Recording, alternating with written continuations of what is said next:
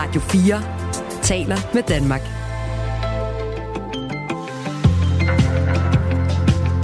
Velkommen til Radio 4 morgen.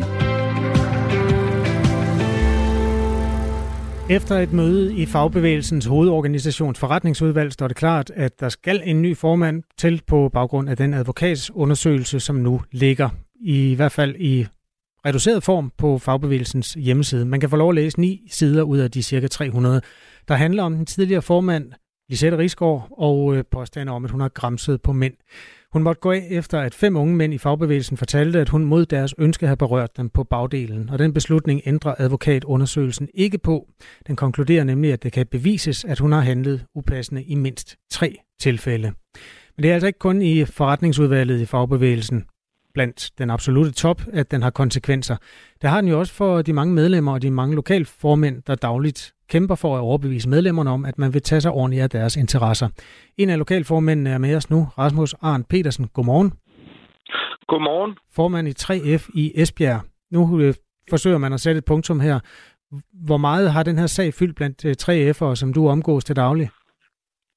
Jamen, den, den fylder faktisk en hel del. Øh, vi, vi skulle gerne være dem, der går forrest og kæmper for det gode arbejdsmiljø. Så, så det har helt sikkert været et samtaleemne. Set fra din stol, hvordan har håndteringen af sagen været? Jeg synes, at håndteringen har egentlig været meget fornuftig, men de skylder også øh, medlemmerne, at de kommer frem med hele undersøgelsen. Ja, men det gør de ikke. Hvordan har du det Nej, med det? det har jeg det faktisk rigtig, rigtig skidt med. Øhm, det FH består af cirka 1 million lønmodtagere, og, og hvis vi skal gå forrest, jamen, så skal der også være åben og ærlighed hele vejen igennem. Du fik et referat i går, hvor man siger, at der er tre tilfælde, hvor hun er gået over stregen. Det er jo så i forhold til, at 20 mennesker har hejst flaget og sagt, øh, at de har oplevet noget grænseoverskridende. Hvordan er det, når en fagforening på den måde sorterer 17 fra, der har oplevet sig krænket? Jamen, jeg, jeg, altså, jeg har ikke, desværre ikke set advokatundersøgelsen, men, men jeg synes ikke, at der er nogen, der skal sorteres fra. Vi, vi skylder dem, som føler sig krænket, at de bliver hørt. Hvad manglede du? Jamen, jeg, jeg mangler den advokatundersøgelse. Øh, Jeg vil gerne vide, hvad der er, der foregår i FH. Øhm, vi, vi er en del af FH, og så skylder de at komme frem med det hele. Øh, og at deres forretningsudvalg, de mener, at det skal hemmeligholdes, det synes jeg ikke er fair. Hverken over for medlemmerne eller, eller over for, for dem, der er blevet krænket. For uden de påstande om øh, overgreb, eller ikke overgreb, men grænseoverskridende adfærd fra formandens side, så er det noget af det, der jo også bliver diskuteret. Det er, hvorvidt toppen vidste, at den var gal. Altså om man i toppen af fagbevægelsen har været hurtige nok til at øh, på eget initiativ gøre noget ved øh, de her øh, øh berøringer på bagdelen af mænd. Og det er jo lidt svært at vide, når man ikke kan se, hvad der står i advokatundersøgelsen. Altså hvem der har vidst hvad internt i, i forbundets toppen der. Hvad er, hvilke tanker går du med i den forbindelse? Jamen, det, det første, der popper op i hovedet på mig, det er, øh, bliver der faret noget ind under gulvtæppet? Hvad er det, de prøver at skjule? Og det er derfor, jeg mener, at de skal frem med det hele. For hvis der er nogen i toppen, der har vidst, at det her foregik, så i min optik, så, så skal de ikke sidde der, hvor de sidder. Rasmus Arndt Petersen er altså formand for 3F i Esbjerg. Øh, Jeg har også en anden afdelingsformand med. Lene Lindberg er formand for FOA i Nordsjælland. Godmorgen. Godmorgen. Kan du ikke genkende til noget af det her? Altså, den har, fuldt, den har fyldt meget i de interne diskussioner om, hvad det vil sige at være fagforening. Ja, altså det kan jeg sagtens ikke genkende til, men øh, når, når det så er sagt, så vil jeg sige, der har været øh, nogen, der synes, det har været helt forfærdeligt, og så er der også nogen, der har sagt, at nu er det ved at tage overhånd det her med MeToo. Så der, har været lidt af hvert, men der er jo ingen tvivl om, at det har fyldt i, i vores daglige dialog med vores tillidsrepræsentanter. Det kan jeg sagtens ikke genkende til. Det er jo interessant, hvis man internt i fagbevægelsen synes, at MeToo øh, tager overhånd. Altså det, at øh, de mennesker, der mener sig krænkede, øh, som udgangspunkt er krænkede. Det er jo den måde, man er gået til det på i, i, Ja. i fagforeninger indtil videre. Er det det, der, som man skal have et opgør med nu? Altså, altså er det den diskussion, der er? Nej, absolut ikke. Øh, Jeg tilhører den del af fagbevægelsen, der absolut synes, man skal tage alvorligt, hvis nogen føler sig rørt ved uønsket eller føler sig krænket. Så naturligvis øh, tager jeg afstand fra det som lokalformand.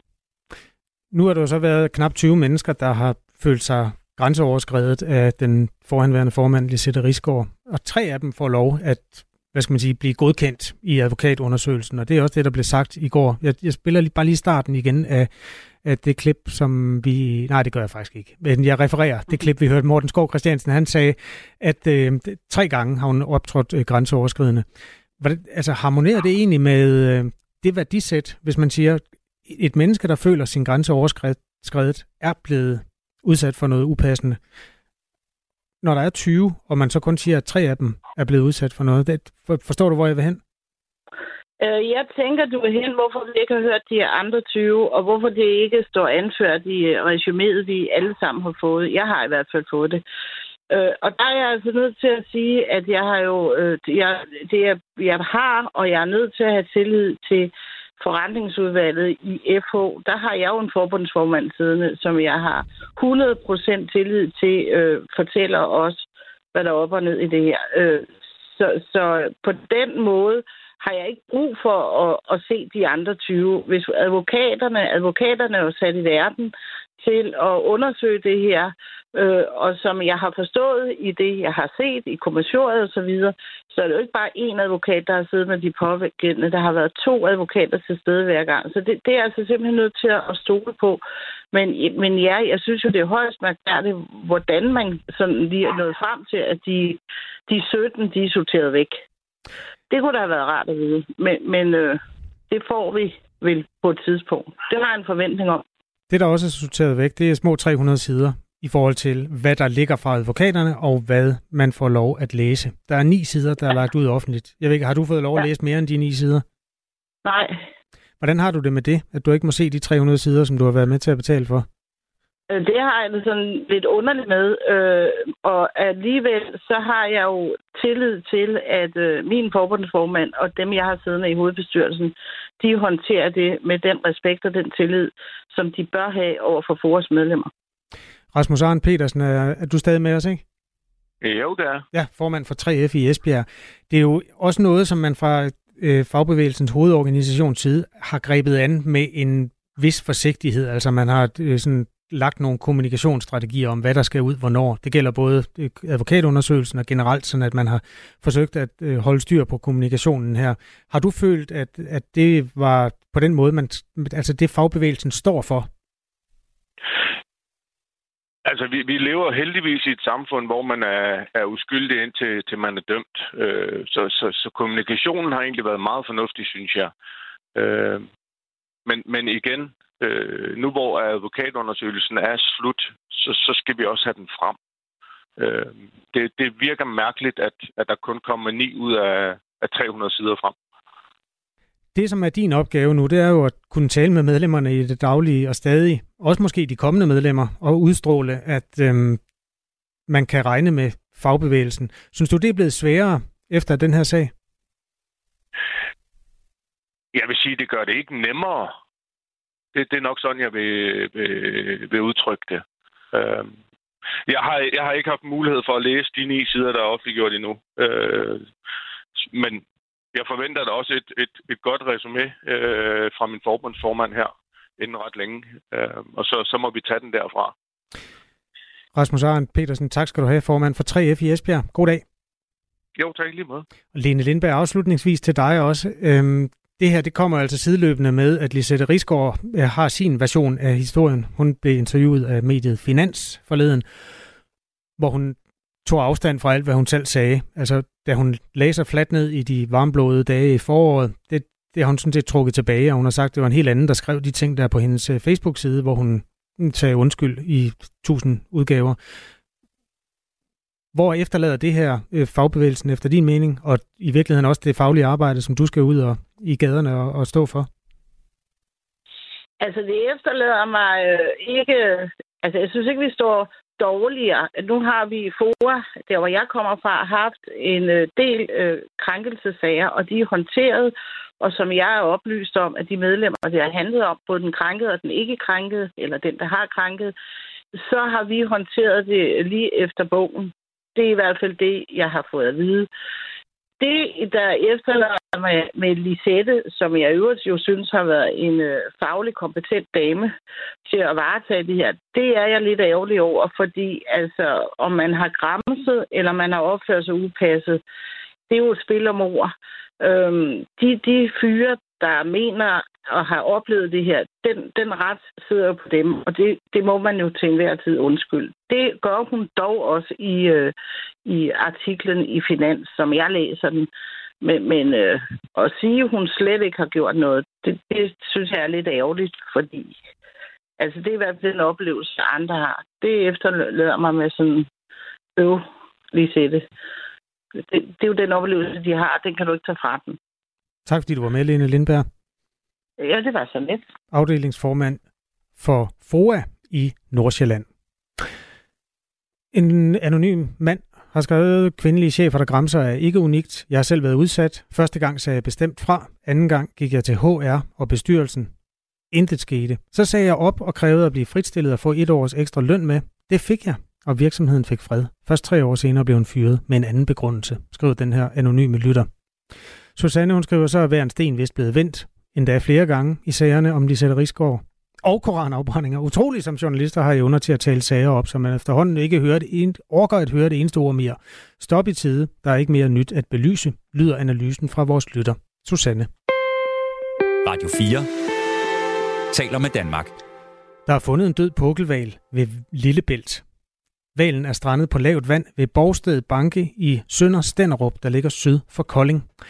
Og øh, selv om det måske kan være øh, spændende at nærme sig sådan et øh, dyr, som jo ikke øh, kan komme tæt på til hverdag, så skal man endelig ikke røre ved valen. Advar Charlotte B. Tøstesen, der er naturhistorisk, der er øh, museuminspektør og biolog på Fiskeri- og Søfartsmuseet i Esbjerg. Lang titel. Godmorgen. Godmorgen. Hvorfor er det, man ikke må røre ved en død val? Jamen, det er egentlig bare for ens egen skyld. Sådan generelt døde dyr, man finder ude i naturen, skal man sådan set lade være med at røre ved, fordi man kender jo ikke øh, til dødsårsagen, og nogle sygdomme kan altså smitte mellem dyr og mennesker, så, øh, så, øh, så jeg plejer altid at sige, øh, lad endelig være med at røre, røre ved dem. Det er et kæmpe dyr, den øh, døde pukkelval her. Øh, hvordan vurderer du, den er død? Jamen, øh, det kan meget vel være naturlige årsager, kan man sige. Det er svært at sige. Den er jo råden, øh, så den har ligget et stykke tid i, i vandet i hvert fald, før den er, er drevet i land. så derfor så er det også, øh, er den antagelig også alt for henfalden til, at en, en obduktion overhovedet ville kunne, kunne give os et svar på, på det. Det er et øh, kæmpe dyr, som er til at blive set i indre danske farvande, men ikke desto mindre øh, jo ikke er sådan en, en art, øh, vi mennesker møder ret tit. Altså, hvor ofte sker det, at de driver i land på danske kyster, pukkelvaler? Jamen sådan inden for de senere år er det egentlig sket et, et par gange. Øhm, t- senest i 2019 øh, blev der faktisk fanget en, en ung pukkelval i, i bundgarn op ved Skagen. øh, og den var jo helt frisk, så den blev, blev obduceret, og skelettet blev indsamlet. Øhm, og så tilbage også i 2015 strandede der en, ligesom den her en henfalden øh, pukkelval øh, langs den jyske vestkyst. Øhm, så, så det sker af til, og det sker også af til, at de at de øh, kommer levende på besøg, kan man sige, øhm, i, i danske farvand, og så svømmer deres vej igen. Hvor, hvor truet er pukkelvalen? Altså valer er jo sådan forbundet med en eller anden form for dårlig samvittighed i forhold til, hvordan vi passer på vores dyr og vores farvande. Ja. Hvordan har pukkelvalerne, er, der, er der mangel på dem? Så sådan, skal vi blive urolige, når en driver i land? Nej, ikke, ikke lige med pukkelvalen i hvert fald. Altså, den er ikke øh, rødlistet eller truet på UICN's øh, liste. det er den ikke. Øhm, så så der, er, der, der er pukkelvaler nok ude omkring. Et pukkel, en pukkelval kan blive op til 15 meter lang og veje op til 30 tons. Det vil sige, der ligger ja. et eller andet sted op til 30 tons rådent kød nu på stranden, eller 100, ja, altså 100 meter er, fra kysten. Er, ja, den er sådan sjusset til en, en, en længde på omkring 8 meter, så, øh, så den vejer antagelig en, en del mindre. Øh, tilbage i 2019, øh, det individ, der, der øh, blev bifanget der, det var øh, også omkring de her 8 meter, og det varede... Øh, hvad hedder det, lige omkring øh, 5,5 ton. Øh, så, så det var et ungt dyr, hvor vi vurderede alderen til på det individ at være mellem sådan et og to år. Mm. Men selv hvis det kun er Ja. 5 tons rådden kød, så er det jo ikke mange tons. Ja, Hvad, hvad skal man lade naturen fikse det, eller hvad, hvad gør man ved det? Ja, altså det er jo så det, vi lige så stille er ved at finde ud af her nu, fordi den er jo råden. Øhm, så, øh, så det er antageligt måske noget af, af dyret, der vil blive indsamlet, og måske vil den blive opmålt, men er nok antageligt for, for henfalden til at, at blive obduceret. Øhm, og så er det jo nærliggende at lade naturen gå sin gang, fordi så er der jo føde til masser af dyr. Øhm, der er rigtig mange dyr, der, der øh, hvad hedder det, lever af, af ådsler af, af døde dyr ude i naturen. Kan der i virkeligheden være noget interessant biologisk, sådan i forbindelse med den valg der, som kan udspille sig, hvis man bare lader det her øh, makabre øh, dødsshow udspille sig, som naturen plejer at gøre? Ja, helt sikkert. Altså her øh, langs den jyske vestkyst, øh, der, der ligger der jo øh, af og til øh, døde valer, der skyller op, og større valer, altså for eksempel vågevaler, og, de, og de får jeg til lov til at, at ligge. Øhm, og så øh, er det jo også sjovt at kunne følge med i øh, denne her nedbrydningsproces, altså hvor hurtigt det går, før at der faktisk kun ligger knoglerne tilbage måske. Danmark og danske indre farvande er jo en blindgyde, og så er også svømme ind i, hvis man er fisk. Altså, er det, er det i virkeligheden et skidt sted for dem at være? Altså ikke nødvendigvis. Der har været pukkelvaler på besøg også i de indre danske farvande før, øhm, og, og det er en valart, som jo både lever oceanisk, men også lever tættere på kysten, så, så den kan fint manøvrere, manøvrere rundt derinde, ja. Så, så for pukkelvaler burde det ikke være et problem at blive fanget i, i Østersøen, nej. Jamen, hvis man er øh, dødvals turist, så skal man altså en, en tur til Sønder Stenderup, syd for Kolding, hvor man ved Borgsted Banke kan jagtage en øh, død pukkelval. Man skal bare lade være med at røre ved den, lyder det fra Charlotte Bi Tøstesen, for ikke at blive syg. Tak skal du have for både advarslen og fordi du vil øse ud af din viden. Jamen velbekomme og god dag. Tak i lige måde. Museumsinspektør og biolog på Fiskeri- og Søfartsmuseet i Esbjerg. Det her er Radio 4 morgen, og klokken er 8.22. En 30-årig læge er blevet idømt to års fængsel for at have begået seksuelle overgreb. Jeg troede jo, at det var rigtigt, hvad han sagde, når han skulle ind og undersøge. Han er kendt skyldig i at have voldtaget to kvinder ved brug af sine hænder. Jamen, det var en nødvendighed. Han, det var meget vigtigt at være grundig i sin undersøgelse. Radio 4 undersøger dykker ned i sagen om overgreb og blodfærdighedskrænkelser på flere af landets sygehuse, hvor en læge har forgrebet sig på kvindelige patienter. Der begynder jeg sådan ligesom at tænke, at der er noget galt her. Men jeg tør egentlig ikke rigtig at, at gøre noget. Det var jo en læge, der stod over for mig. Men kunne han have været stoppet tidligere? Det spørgsmål jagter Radio 4 undersøger svar på i serien I hænderne på et doktor. Lyt med i Radio 4's app eller der, hvor du lytter til podcast. Not guilty, lød det fra Donald Trump, altså ikke skyldig, da han i går skulle forholde sig til de fire forhold, han er anklaget for.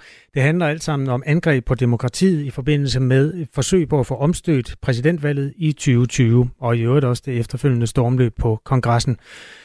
Donald Trump blev løsladt efter en række betingelser, blandt andet at han ikke begår yderligere kriminalitet. Og så talte han med den fremmødte presse i går. This is a persecution of a political opponent. This was never supposed to happen in America. This is the persecution of the person that's leading by very, very substantial numbers in the Republican primary and leading Biden by a lot. So if you can't beat him, you persecute him or you prosecute him. We can't let this happen in America. Donald Trump er førende internt i republikanernes rækker i bestræbelserne på at blive præsidentkandidat ved valget i 2024. Og som han er inde på her, han mener, at det er forfølgelse af en politisk modstander. Det burde ikke være sket i USA. Det er forfølgelse af ham, der ikke bare fører republikanernes interne øh, primærvalgs øh, meningsmålinger, men som også fører klart over Joe Biden. Det siger i hvert fald Donald Trump, at han gør, og dermed øh, mener han sig forfulgt, og det kan vi ikke tillade, siger han. Anne Alling, journalist fra Tennessee i USA, øh, lyttede til de første indledende retsmøder. Jeg tror faktisk, jeg hæftede mig ved, at det, det føles som om, vi havde set det, det hele før. Det er tredje gang på, på bare tre måneder, at, øh, at Trump han altså skal møde op i en, i en retssal til det her første retsmøde.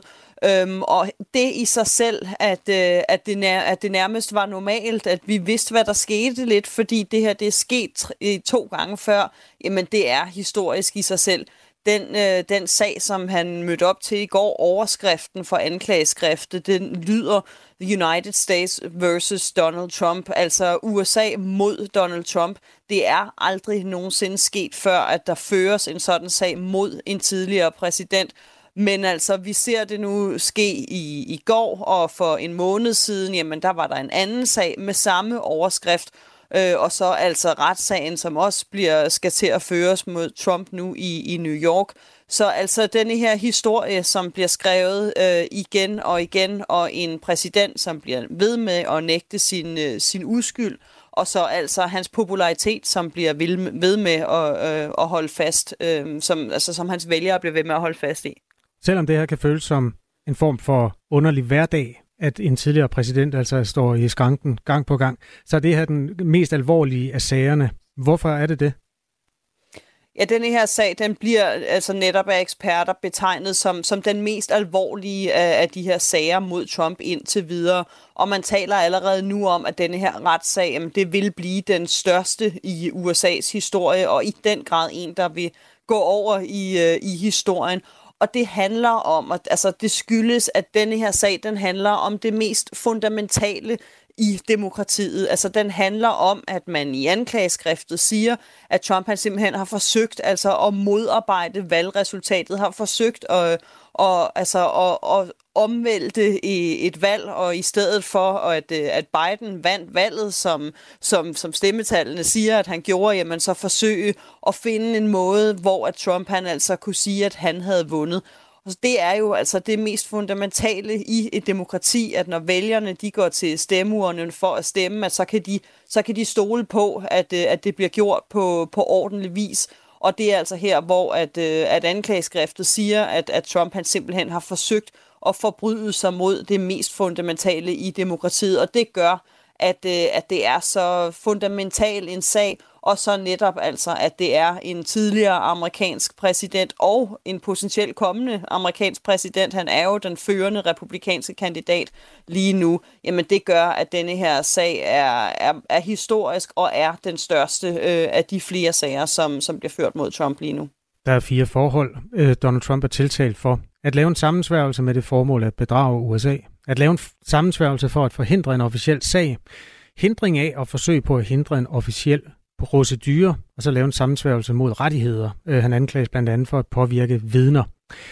Øhm, den amerikanske befolkning er jo meget delt, og jura og politik kan være enormt øh, svært at øh, skille fra hinanden, når det kommer til sådan nogle sager her. Hvordan har den amerikanske befolkning reageret på de her meget alvorlige tiltaler?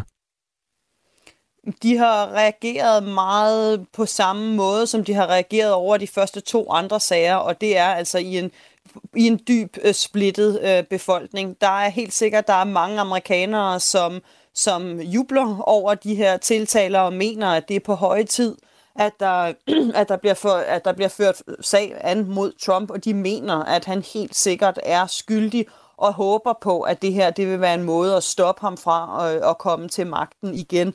Men så er der Trumps støtter selv, og de holder altså virkelig virkelig fast. Jeg talte med, med en af hans trofaste støtter her tidligere på dagen i dag, og han sagde, at det her det var sidste skridt, inden at øh, USA nåede til kommunisme, socialisme. Altså han kaldte, kaldte det på samme måde som, som Trump en, en heksejagt, og sagde, ligesom Trump også gjorde, at det her var en virkelig, virkelig sørgelig dag i USA. En trist dag for i USA, fordi at, øh, at han altså ligesom rigtig mange andre af, af Trumps støtter mener, at det her det er en, en politisk klapjagt øh, på Trump.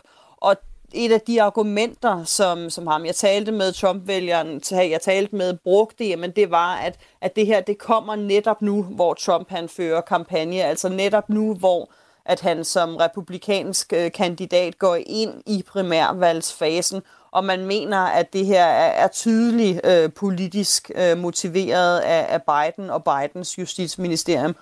Og endelig vil jeg så sige, så er der også mange amerikanere, der, der står i midten og lidt bare ser til og ikke rigtig tror på, der sker noget. Altså der har jo været mange sager mod Trump nu. Øh, de har så været rigsretssager, der har været, de har været politiske sager, men alligevel ligger der denne her fornemmelse hos mange amerikanere om, at jo, han har helt sikkert gjort noget forkert, men man har forsøgt øh, at, at afsløre ham så mange gange, og der er ikke kommet noget ud af det.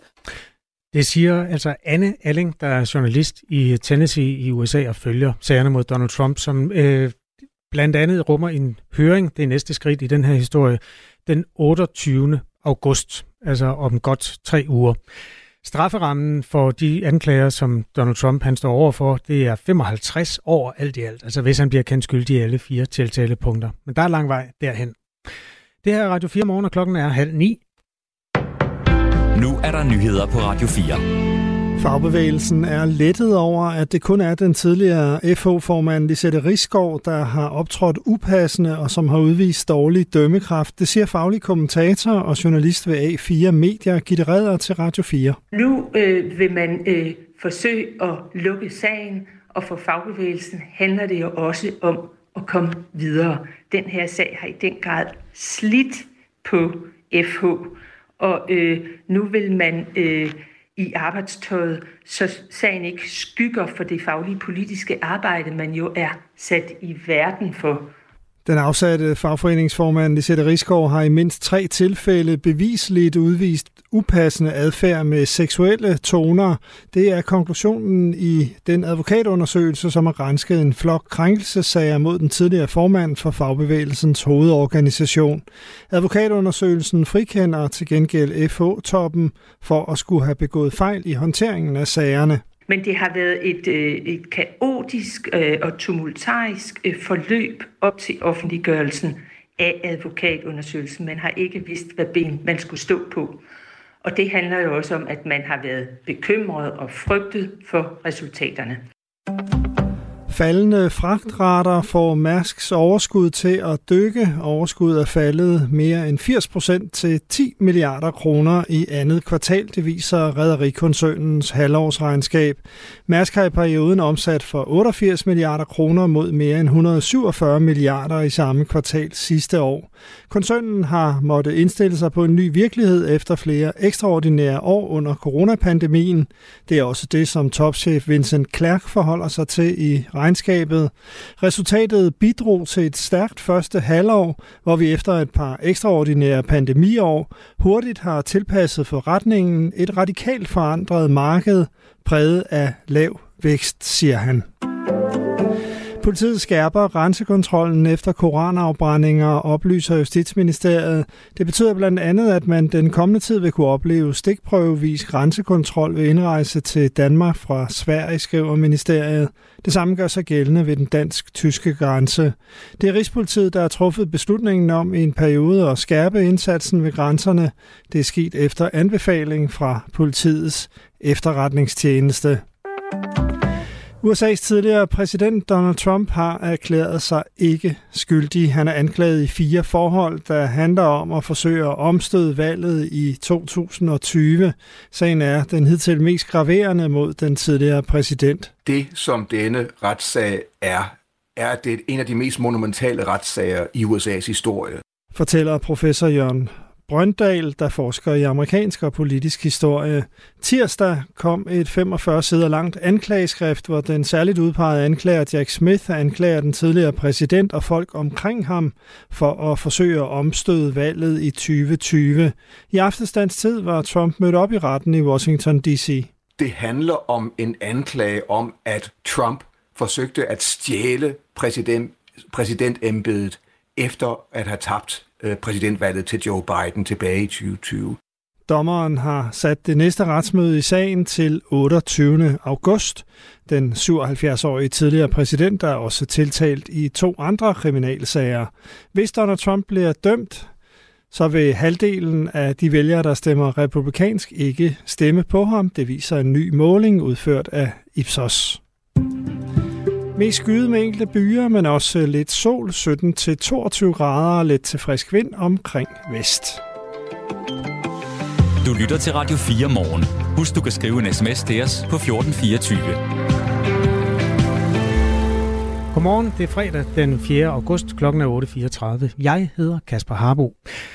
Den her koranafbrændingsdebat, den har jo øh, fået bølgerne til at gå på de helt øh, høje navler, og også på de meget sådan principielle steder. Lad os for eksempel tage et citat fra Dansk Folkepartis Anders Vistisen. Første gang siden besættelsen, altså ønsker at indskrænke danske frihedsrettigheder, det er en ret afgørende ting i vores demokrati og samfund. Det er en af de mange ting, vi kan efterprøve med hjælp fra Frederik Våge, der er juraprofessor på Syddansk Universitet. Altså er det rigtigt, at det er første gang siden besættelsen, at man ønsker at indskrænke danske frihedsrettigheder? Godmorgen, Frederik Våge. Godmorgen. Er det rigtigt? Øh, altså, øh, man kan sige, det er jo, det er jo politiske udsagn, der kommer øh, i debatten her i meget vid udstrækning og, og sådan at skulle udsætte det for sådan en strikt juridisk øh, bedømmelse er måske ikke helt, helt rimeligt over for, for, for, for, for sådan, hvis vi, vi op, op, at man skal øh, veje sine ord så meget. Men, men nej, altså principielt, øh, øh, øh så ser vi jo øh, mange eksempler på, at frihedsrettighederne er blevet indskrænket, og også efter 2. verdenskrig. Øh, vi, øh, øh juridisk øh, set, så, så, så, så kan man helt konkret sige, at hvis vi tager øh, racismeparagrafen, så blev racismeparagrafen indført før øh, 2. verdenskrig på baggrund af, øh, øh af chikane af, af jøder i, i, i Tyskland. Det var baggrunden for, at man indførte racismeparagrafen. Den paragraf, den, øh, den er blevet ændret øh, adskillige gang, øh, adskillige gang siden, øh, blandt andet i forbindelse med, at øh, man øhm, øh, at man indførte et øh, øh, et forbud mod at øh, håne homoseksuelle i, i øhm, 1987. Så, så, så helt, det er en helt konkret eksempel på, at man, at man kan justere og udvide i, i frihedsrettighederne på, øh, på ytringsfrihedsområdet.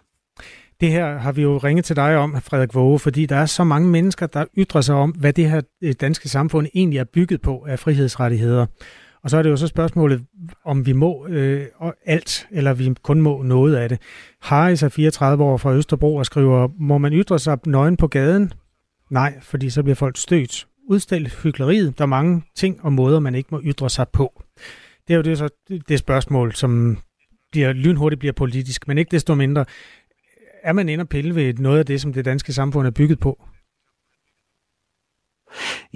Ja, det er man jo øh, øh, forstået på den måde, at øh, der var et meget stort øh, flertal i Folketinget, som valgte øh, at øh, afkriminalisere afbrænding af bøger øh, i, øh, i 2017, øh, da man afskaffede blasfemiparagrafen. Øh, der var det en, en, en væsentlig ting, og man var godt klar over, at nu skulle det være lovligt at, at, at brænde bøger.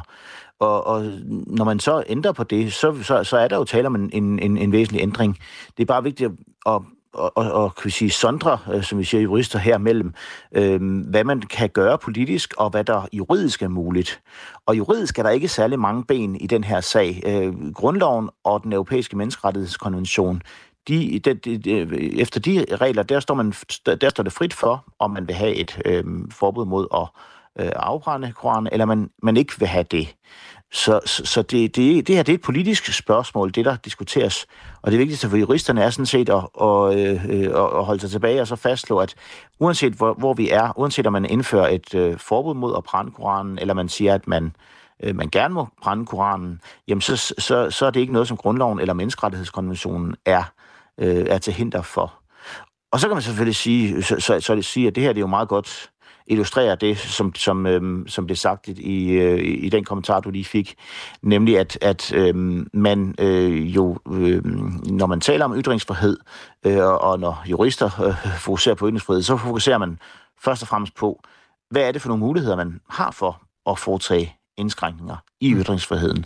Det er hele tiden det fokus, øh, jeg har, når jeg underviser i i forfatningsret på, på universitetet. Det, det er hele tiden det fokus, som man generelt har, når man taler om ytringsfrihed, det er, hvad, hvor går grænserne henne mm. for ytringsfriheden? For vi kan jo ikke have en, en, en fuldstændig øh, uindskrænket øh, ytringsfrihed. Kan du blive mere konkret på nogle ting, man har ændret siden 2. verdenskrig? Fordi nu bliver det her jo gjort til det mest afgørende indgreb i vores frihedsrettigheder siden 2. verdenskrig. Det er det, øh, Anders Vistisen blandt andre siger. Hvilke konkrete eksempler findes der ellers på ting, man har, hvor man har indskrænket vores ret til at gøre dit og dat? Mm, ja, jeg, jeg synes ikke, at, at, at, at, at det, jeg vil betegne det sådan juridisk set som så rammende, og man kan altid graduere, hvad man synes er vigtigt. Men hvis vi for eksempel ser på, på øh, den coronapandemi, som vi jo øh, har, har overstået nu, øh, så er det jo et øh, eksempel på, at man, øh, man virkelig foretager indskrænkninger i øh, i frihedsrettighederne, øh, i det man jo lavede en begrænsning af, af, af forsamlinger, som var... Øh, øh, altså, hvor, vi, hvor vi gik ned til, at man, man øh, øh kunne, kunne lovgive øh, om, om, at man kun, kun kunne være to personer nærmest til stede, hvis man ønskede det. Man fik meget brede beføjelser, som man lagde til sundhedsministeren på det tidspunkt. Det er jo et, et, et godt eksempel på, altså forsamlingsfriheden, øh, som jo betragter som en af de allervæsentligste rettigheder. Så lavede man en, en, øhm, øh, en kattelem, kan man sige, i den bestemmelse, fordi man sagde, at hvis man demonstrerede lige præcis øh, i den forbindelse, så øh, altså i forbindelse med, med, med under coronapandemien, så var, så var demonstrationer ikke omfattet af øh, det her forbud øh, mod at forsamle sig. Øh, men de understreger jo netop, hvordan man kan regulere og, og, og justere i, øh, i de forskellige øh, rettigheder øh, efter, efter grundloven. Øhm, man har ikke som for, for, for, man, man har ikke ret til at råbe brand i et teater og forslag opstandelse. Øhm, man, man har ikke ret til at fremsætte øh, ærekrænkende ytringer. Øh, det, det er øh, den måde, som det fungerer på øh, med, øh, øh om, om man kan sige, øh, det, det, det er jo egentlig også det, som, øh, som, som nu er blevet, blevet, blevet synes, synes at være blevet synspunktet fra regeringen. Man vedkender sig, at det her øh, det er et opgør med den blasfemiparagraf, øh, at, at det er en genindførelse i et eller andet, på et eller andet plan af den blasfemiparagraf, som kom i, i, i, i 2017. Eller forsvandt øhm, i 2017. Og, øhm, ja, som, som forsvandt i 2017. Og, og, og der må man sige jo, at øh, øh, der, er, der, der er så mange nuancer i det her. Netop bogafbrænding er jo, er jo specielt øh, ud fra den betragtning, at at øh, der jo i bøg, at, at det, det at skrive en bog, og, og det, at man har, øh, og man offentliggør tanker i en bog, det, at man øh, har en, øh, religiøs tekst, er jo også et udtryk for ytringsfrihed. Det er jo et udtryk for ytringsfrihed på vegne af, øh, af islam. Så, så, så det er jo sådan et sammenstød af, af rettigheder, som man lige skal øh, øh holde tungen i munden på. Men, men det ændrer jo ikke ved, at, at politikere, som, som, som Iselsen og andre, skal øh, jo, øh, jo, jo må vurdere, hvad de mener er en, øh, en væsentlig indskrænkning i borgernes ytringsfrihed, og det er netop mm. deres øh, opgave at gøre det. Og, og, og det er jo ikke forkert at, at sige, at det, det er en stor indskrænkning i i ytringsfriheden, og om man vil bruge sammenligninger tilbage til 2. verdenskrig, det, det er et spørgsmål. Det er bare et jurid, ikke et juridisk spørgsmål, det er, det er et politisk spørgsmål. Ja, og der er masser af politik i det her. Oppositionspartierne har brugt øh, et argument meget i debatten for, at man i hvert fald ikke skal forbyde koranafbrænding. Nemlig, at det her det er kun er begyndelsen. Det er et start på en glidebane. Inger Støjberg. Det her vil jo bare blive fyldt op med, med, fyldt op med, med nye krav fra den islamiske verden, mener Inger Støjberg, der dog ikke har nogen sådan konkrete eksempler på, hvad der nu vil blive det næste krav fra islamisterne. Jeg kan af gode grunde ikke vide, hvad man sidder og tænker i Saudi-Arabien, og jeg har sådan set heller ikke tænkt mig øh, at, at konsultere nogen i Saudi-Arabien for at tænke, eller for at høre, hvad de sidder øh, og overvejer. Så dansk lovgivning øh, vil blive påvirket, men hvor det ved Inger Støjberg ikke. Den konservative Søren Pape har et meget konkret bud på, hvad han tror, de muslimske lande kan finde på at kræve af Danmark næste gang. Jamen, hvad er så det næste? Jamen, er det så, at, øh, at folk, der måske har en, øh, en partner øh, af samme køn, det kan vi heller ikke, fordi det kan de heller ikke lide i de muslimske lande, eller hvor er det, det stopper? Frederik Våge, nu er det et meget politisk emne det her, men altså kan man rent juridisk sammenligne retten til at brænde hellige skrifter med retten til at have en partner af samme køn? Mm, ja, det kan man jo godt, fordi at øh, det er jo øh, rettigheder, som på et eller andet plan er beskyttet øh, af øh, enten grundloven eller den europæiske menneskerettighedskonvention, som man jo må sige, at politikerne de, de, de, de skal rette sig efter. Øh, i, øh, i det daglige, den europæiske menneskerettighedskonvention kan man godt bryde, øh, uden at bryde grundloven. Grundloven skal man altid øh, overholde. Nu retten til, øh, øh, til, til at være sammen med en, en, en partner ikke øh, dækket af grundloven, men den dækket af den europæiske menneskerettighedskonvention.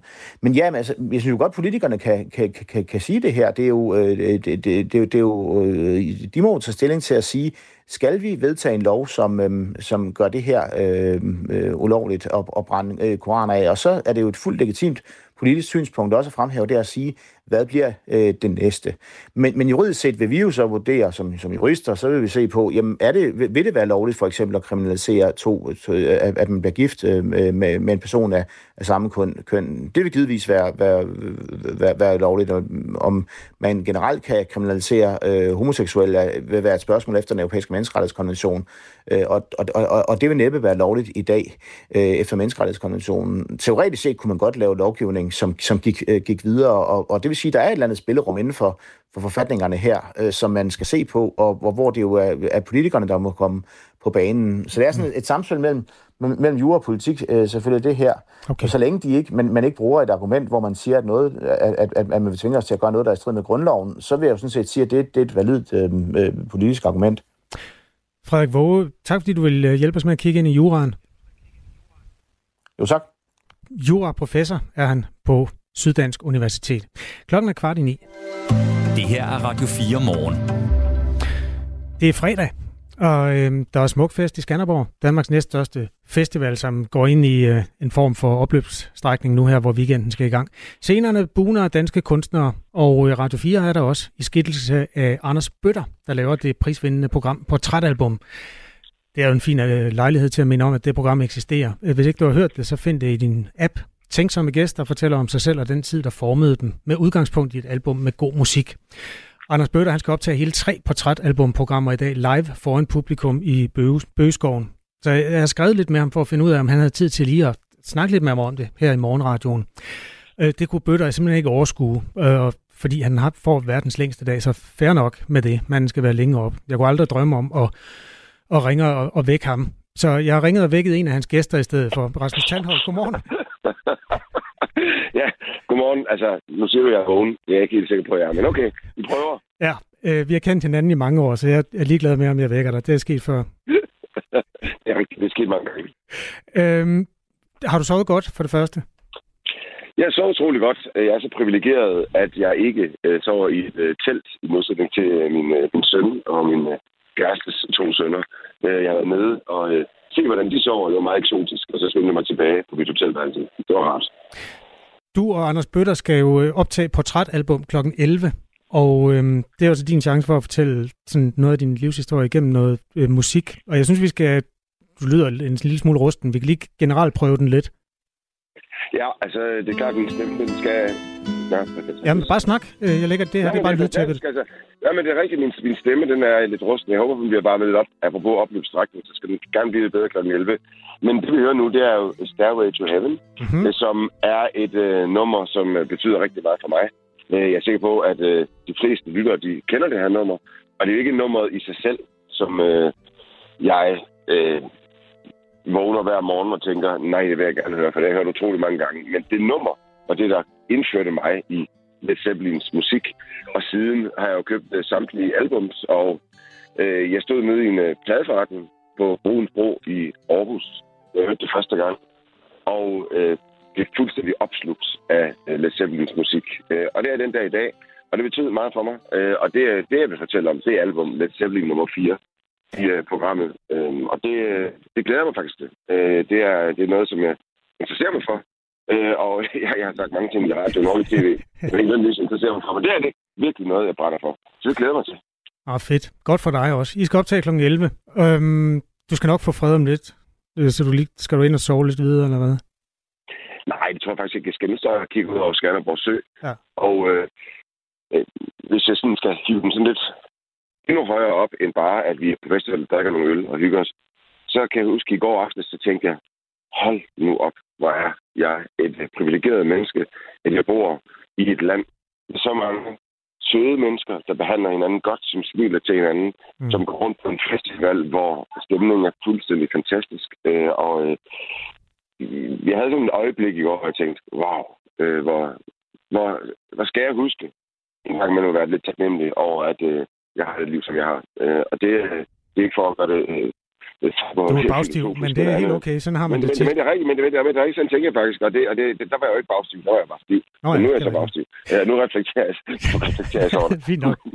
Øh, Rasmus Tandholt, lige sidste spørgsmål. Fordi vi talte sammen ja. forleden, at udover at du skal have Natasha Krone og din søn Emil og Natashas drenge og tre af drengens kammerater med, så har du skulle taget Ulla Terkelsen med under armen. Det synes jeg er ret sejt. Øh, 79-årig dame, ja. der skal på smukfest. Hvordan klarer hun sig? Ved du det?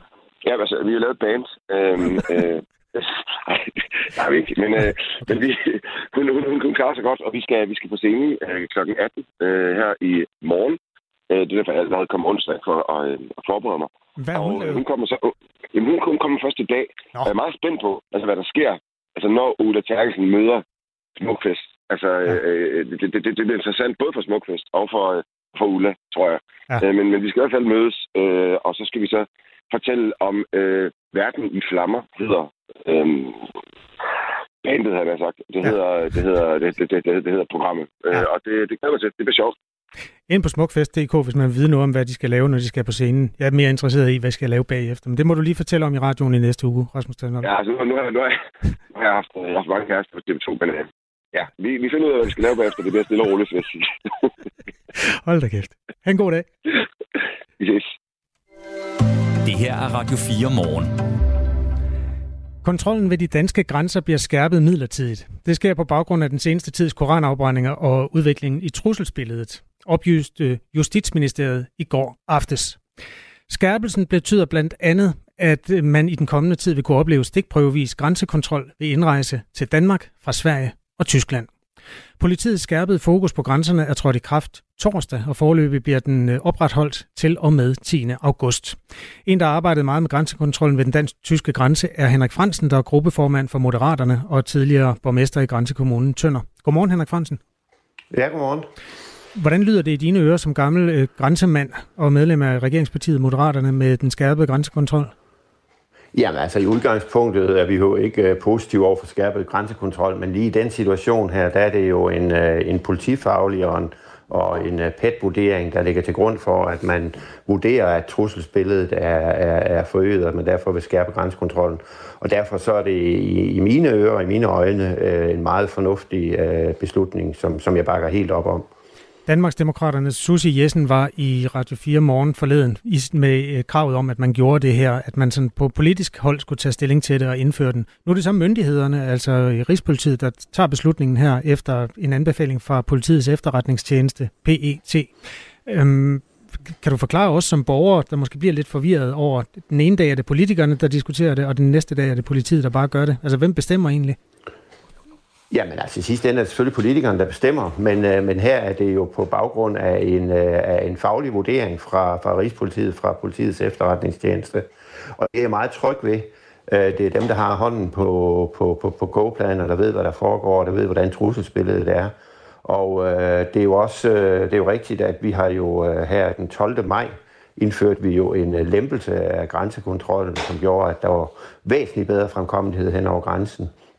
Øh, I samme lejlighed sagde vi også, at det er jo altid mulighed for at skalere op og skalere ned, hvis der trusselsbilledet det ændrer sig undervejs. Så det er jo egentlig det, vi ser her, at på baggrund af en, af en faglig vurdering, der vurderer man, at øh, grænsekontrollen skal skærpes i en ret begrænset periode jo i virkeligheden. Og hvad der så sker efter den 10. august, det ved vi ikke. Så jeg synes faktisk, det giver rigtig god mening, at man gør det på den her måde. Er det noget, I har diskuteret internt i regeringspartiet Moderaterne, om det her var det rigtige at gøre, altså skrue op for grænsekontrollen? Altså det har man jo ikke gjort i den her omgang, fordi det er jo en ren politifaglig vurdering, og øh, efterret, altså politiets efterretningstjeneste der har vurderet det her. Men da man lempede grænsekontrollen øh, tilbage i maj måned, der var det jo netop med det sigte, at nu var det øh, politifaglige vurderinger, efterretningsfaglige vurderinger, der skulle afgøre, øh, hvordan man vil tilrettelægge grænsekontrollen. Det er jo ikke sådan, der er, er fast grænsekontrol længere nogen steder, det er stikprøvevis. Øh, til gengæld så bruger man øh, øh, mere teknologi, man har flere politifolk i baglandet og så videre, ikke også? Og øh, det lå jo i den beslutning, man lavede den her gang, og, og det man gør nu her med den midlertidige øh, øh, styrkelse af grænsekontrollen, det er jo egentlig øh, øh, fint i forlængelse af det, at man på baggrund af en faglig vurdering skærper grænsekontrollen i en begrænset periode. Jeg spørger også, fordi det var jo Lars Løkke Rasmussen, der førte ordet, altså din partiformand, der førte ordet i den, øh, der, hvad skal man sige, det politiske system vågnede op øh, fra sommerferien her i søndags, og de, her koranafbrændingsforbud kom. Der stod det jo klart, at de havde været på arbejde i nogle dage og diskuteret de her ting. Har der ikke været nogen diskussion internt i, øh, i blandt jer politikere om, hvorvidt man skulle kigge nærmere på den grænsekontrol, eller er det kun Danmarksdemokraterne, der har tænkt den tanke? Jamen altså, det er jo øh, i, i det her tilfælde, der er det jo politiet, der går ud og øh, anbefaler, Rigspolitiet, der går ud og anbefaler på baggrund af en indstilling fra, fra politiets efterretningstjeneste. Og, og derfor så har det jo ikke været øh, øh, omkring, hvad skal man sige, de politiske partier på Christiansborg. Derfor kan Dan- Danmarksdemokraterne jo fint have en holdning til, som de i øvrigt har hele tiden en holdning til, at vi skal skærpe grænsekontrollen. Det mener de jo også, når der ikke er koranafbrændinger. Øh, så derfor så... Øh, ser jeg det her som en, en, en naturlig måde, øh, det foregår på i den, øh, i, i den måde, det er i dag. Vi har et andet trus, trusselsbillede, end man havde den 12. maj, øh, og derfor så reagerer øh, myndighederne meget fornuftigt og meget kompetent på det. Øh, at der så er politikere, som også har en mening om det, det er jo helt naturligt i, i, i, i det samfund, vi lever i. Henrik Fransen, hvordan vil du vurdere et tryghedsbillede lige nu? Altså hvor både man taler om et trusselsniveau, der er skruet en lille smule op, og en grænsekontrol, der bliver skærpet? Jamen det tager jeg jo som, øh, som udtryk for, at uh, trusselsniveauet er højere, end, uh, end det var for, for, for, for, eller for eksempel omkring den 12. maj, da vi, da vi ændrede grænsekontrollen. Uh, vi har jo også krig i Europa, vi har hele øh, det, den øh, ballade, der har været omkring koranafbrændinger, den, de møder, der har været i øh, OIC, som det hedder, OIC, som det hedder. Og øh, de, de ting gør jo, at vi, at vi må bare sige, at vi lever jo i en verden, hvor vi jo hele tiden skal være øh, på vagt og holde øje med, øh, hvordan tingene de ændrer sig. Det har vi nogle myndigheder, der er rigtig, rigtig gode til, og det er jo noget, at det som vi også som politikere jo, synes jeg, det er vigtigt, at vi bakker op om, når de så kommer med nogle øh, anbefalinger, at man så også lynhurtigt efterfølger dem. Og øh, der tænker jeg bare, at vi, vi, vi, vi, vi lever ikke i den verden, vi gjorde for bare for et par år siden. Altså, der er et højere trusselsbillede i dag. Tak skal du have, Henrik Fransen. Ja, velkommen. Gruppeformand for Moderaterne. Vi har forsøgt at få et interview med justitsministeren den her morgen. Det kunne ikke lade sig gøre, lød det fra pressetjenesten. Du har ringet til Nationen-telefonen. Læg venligst din holdning efter bippet. Ja, det er Palle fra Kalmborg. Vi kommer ikke uden om det. Min hæslige familie har krævet, at jeg holder ferie med dem. Og hvor meget jeg end har mere lyst til at sidde og prikke mig selv i øjenæblerne med en tegnstift og høre noget musik med Tobias Rahim og gætte på, hvad han synger. Ja, så er bilen pakket, og turen går ned mod Østrig. Landet, der gav os Wienersnitslen, Gryner, Weltleiner og Hitler. Og som i løbet af de næste uger skal få lov til at give tilbage til Palle, så jeg ikke gider skråt i min lederhosens. Men allerede inden vi når ud af indkørslen, bliver min i forvejen hæslige ferie pludselig mere ulidelig, for min kones telefon ringer. Og det er min svigermor Åse, som har fået aflyst hendes årlige seniorvandretur på Margueritruten ved Dybøl Banke. Fordi de to af de vandrende voksenblære, hun følges med, har fået hedeslag og nu er indlagt. Så vi skal samle hende op ved grænsen, og så skal hun ellers med på resten af ferien. Jeg aner ikke, hvordan jeg skal rumme flere mennesker på den her tur, for når jeg kigger i bagspejlet, så skal jeg glo på det nyeste vidunder af en bumset taberøv, som min datter har kastet sin kærlighed på, og forlangt at få med. De to ulækre teenager sidder allerede og ved at knæve ansigterne af hinanden på bagsædet af min bil. Og hvis ikke det var fordi den nye erhvervede drømmeprins med slasket vokshår og klipklapper selv havde betalt for sin del af turen og gav et bidrag til benzinen, så havde jeg ryddet overmunden på ham for at sidde og bytte mundvand på min, med min datter på bagsædet i mit påsyn. Jeg kan ikke huske, hvad han hedder. Jeg tror, det er noget med P. Patrick, Pau eller sådan noget. Men jeg vil nok bare kalde ham P-kodet. Ved broen skal den af skatteborgerne for længst tilbagebetalte betonklub have 410 kroner for, at jeg passerer. Svar mig lige på, hvor længe vi skal finde os i fortsat at smide mønt efter det lort.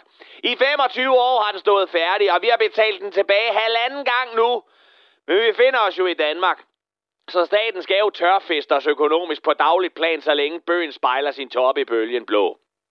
I Nyborg, der skal vi forbi McDonald's. Familien, de er på drive-in, men jeg vil ind og sidde. Jeg gider ikke, at bilen både skal stinke teenagefødder i klipklapper, min kones urinalstinkende deodorant, og så burger, der alene er lavet af e-nummer og ryddet regnskov.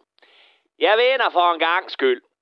og dum i arbejde tager imod min bestilling på såkaldt syngende fynsk, som min mindst lige så dumme søn påpeger. Hvad kunne du tænke dig? Skulle det være en stor eller lille menu? Hvad skal du have at drikke? Kunne du tænke dig noget dybbelt til dine pomfritter? Skal du spise her, eller skal du have det med kort eller kontant? Vil du have bongen med? Syngende fynsk. De nære i små kageædende og indavlede eventyr synger cirka lige så meget, som Peter Bailey gør i dag. Deres mentalt udfordrede dialekt lyder mere som børn, der aftaler at pille hinanden i røven i et puderum og lyve om det bagefter. Men burgerne, de smager som de skal, og med den klassiske McDonald's mavekrampe kører vi videre mod det sønderjyske, hvor min ubehagelige svigermor skal samles op på Dybel Banke som en slagen tabersoldat i 1864. Hold kæft, hvor jeg hader ferie!